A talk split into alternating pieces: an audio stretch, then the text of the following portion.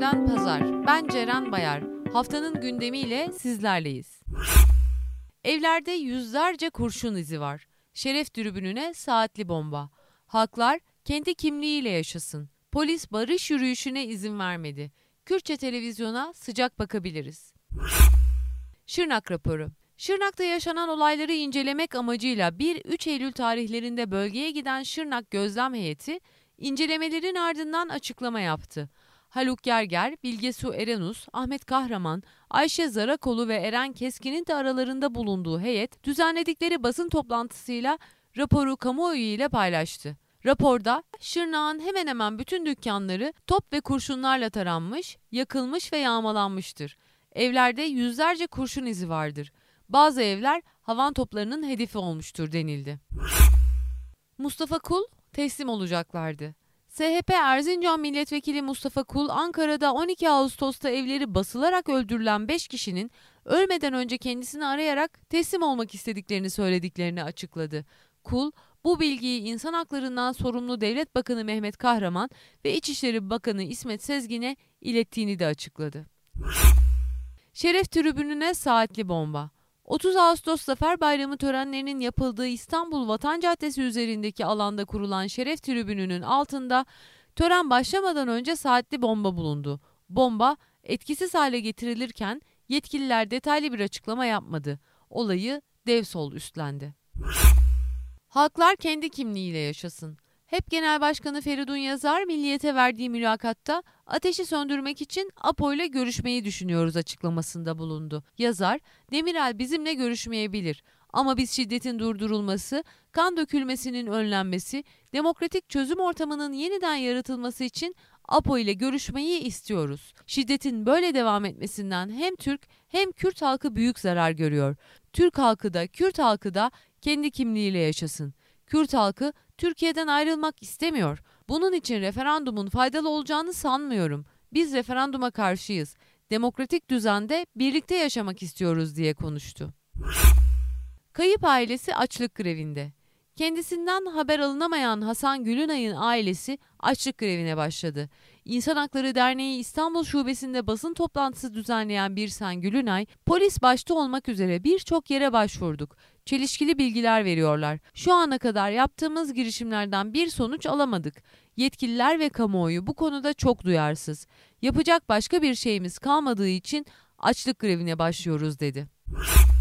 Polis barış yürüyüşüne izin vermedi. Koalisyon ortağı CHP'nin İstanbul İl Örgütü 1 Eylül Dünya Barış Günü dolayısıyla İstiklal Caddesi'nde karanfil dağıtarak yürüyüş yapmak istedi ancak yürüyüş polis tarafından engellendi. Kürtçe televizyona sıcak bakabiliriz. ANAP Genel Başkanı Mesut Yılmaz devlet tarafından yapılmaması, yükümlülük alınmaması ve bir takım yasaklarla kısıtlamaların kaldırılmasıyla birlikte Kürtçe televizyon yayınlarına sıcak bakacaklarını söyledi. Kadınlar taleplerini meclise sundu. Bir grup kadın sorunlarına çözüm bulunması için topladıkları 3000 imzayı TBMM Başkanı Hüsamettin Cindoruk ve hükümet yetkililerine gönderdi. Kadınların talepleri arasında yüzden fazla çalışanın bulunduğu iş yerlerinde kreş açılması, doğum öncesi ve sonrası ücretli izin sürelerinin artırılması, eşit işe eşit ücret verilmesi, hamile kadınların işten atılmaması, kadınların iş yerlerindeki sayıları oranında temsil edilmesi ve iş yerlerinde uğradıkları cinsel tacizlere karşı tedbirler alınması var. Toplatma kararını hakim verebilecek.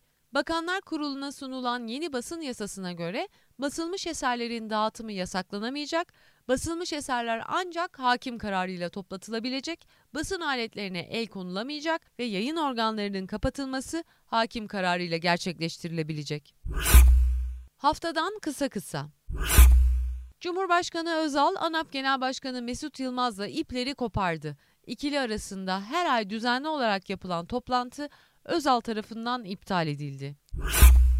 Elazığ cezaevinde 19 mahpusa işkence yaptıkları iddiasıyla iki müdür toplam 76 kişi hakkında 57 yıla kadar hapis sistemiyle dava açıldı. 10 gün önce gözaltına alınan ancak tüm başvurulara rağmen emniyetin bizde yok dediği Ferhat Güllü, kaburga kemikleri kırık bir şekilde çıkarıldığı DGM'de tutuklanarak cezaevine götürüldü. Tarım Ürünleri Tahmin Komitesi'nin verilerine göre kuraklık ve afetler nedeniyle buğday rekoltesinde %5.39, arpa rekoltesinde %11.54, çavdar rekoltesinde ise %10.16 oranında azalma oldu.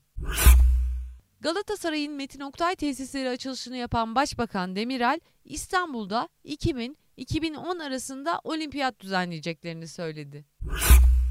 Bu haftanın da sonuna geldik. Dinlediğiniz haberlerin detaylarına ve daha fazlasına tanıklık.org internet sitemizden ve sosyal medya hesaplarımızdan ulaşabilirsiniz. Önümüzdeki hafta tekrar görüşmek üzere.